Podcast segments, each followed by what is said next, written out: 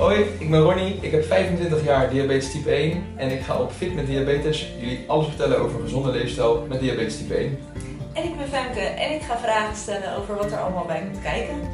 Veel plezier met het luisteren of kijken van deze aflevering.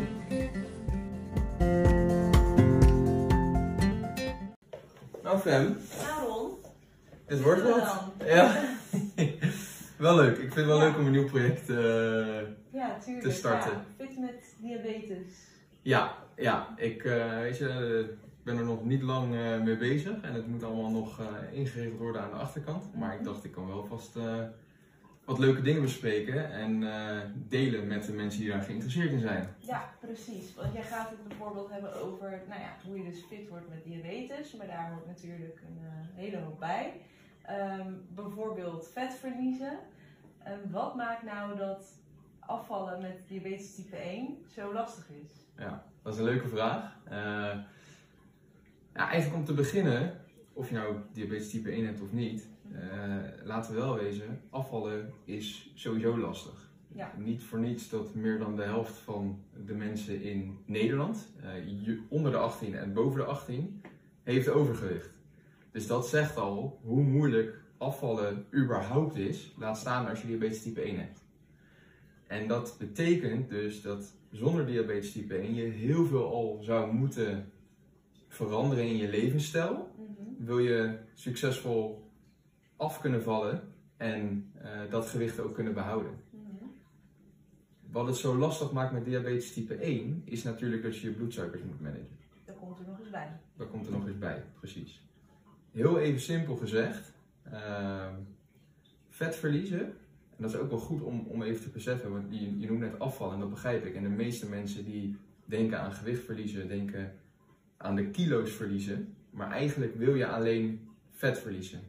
Want als je gewicht verliest, of alles in, in, eh, als je aan afvallen denkt, dan kan je dat ook hebben over gewicht in water, gewicht in spiermassa, gewicht in botmassa. Nou ja, vooral spiermassa en botmassa, dat, dat wil je helemaal niet verliezen. Nee. Maar dan zou je wel lichter worden. Maar dat wil je niet. Dus je wil echt specifiek alleen vet verliezen. Ja. ja.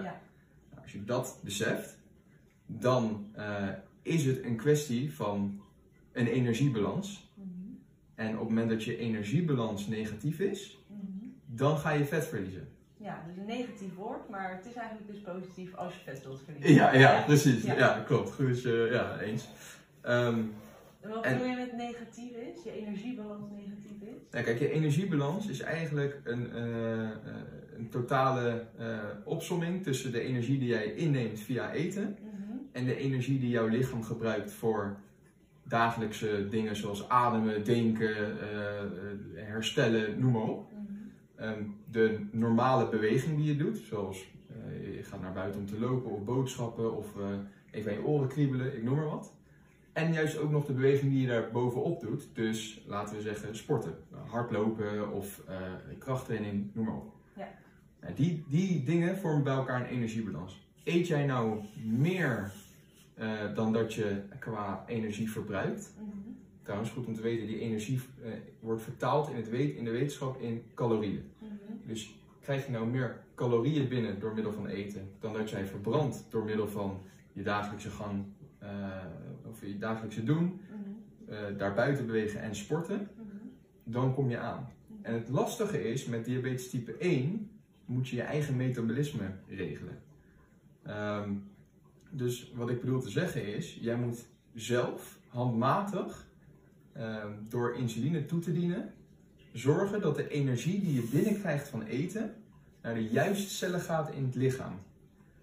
Doe je dat handmatig niet goed genoeg, ofwel doseer jij te veel insuline en krijg je een hypo, of doseer jij te weinig insuline en krijg je een hyper, Mhm.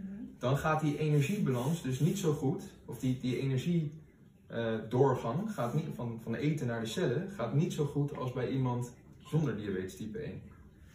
Concreet voorbeeld, ehm, je eet, eh, je, je doseert te veel insuline, je krijgt een hypo, dan moet je de hypo oplossen met eh, koolhydraten. En koolhydraten zijn ook calorieën. Dat is één keertje niet zo erg, maar stel dat je elke keer dagelijks meerdere hypo's krijgt, dan krijg je dus extra calorieën om al die hypos op te lossen, waardoor het heel moeilijk is om in een negatieve Energiebalans. Exact. En uh, andersom, als je steeds te weinig, insuline, of, uh, te weinig insuline doseert, waardoor je frequent hoge bloedsuikers krijgt, Mhm.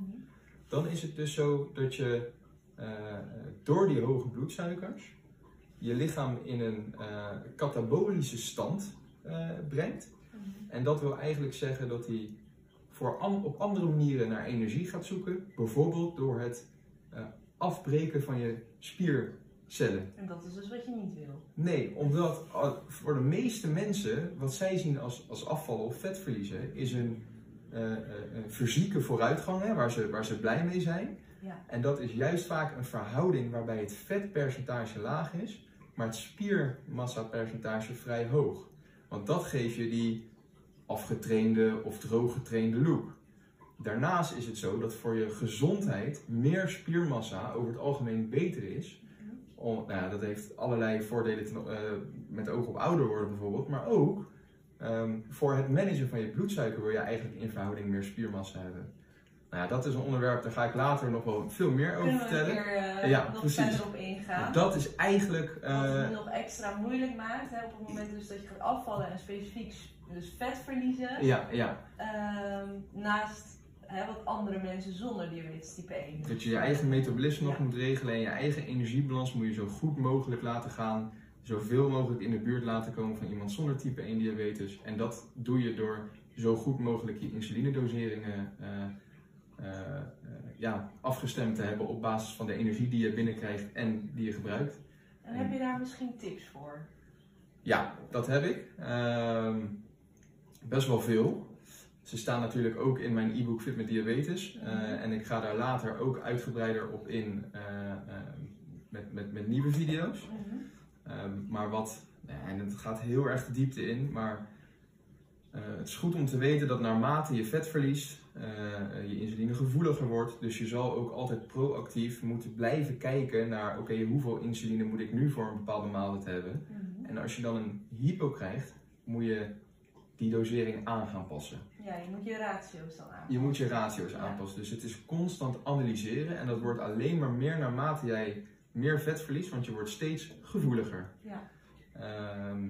Dat is dus al de belangrijkste, dat je continu proactief kijkt en analyseert en aanpast. Ja. Dat is echt tip nummer, tip nummer één, eigenlijk überhaupt voor diabetes, maar dat terzijde. Mm -hmm. um, en daarnaast zijn er nog wat praktische stappen die je tussendoor kan toepassen om uh, dat makkelijker te maken, maar ook dat bewaar ik voor een andere keer, want anders gaan we te veel gaan we diepte te veel in. diepte in. Hè? Ja, en ja. ik denk dat het voor vandaag eigenlijk wel. Uh, het schept wel veel meer uh, helderheid om waarom het nog even extra lastig is wanneer je diabetes type 1 hebt. Dus uh, Mooi.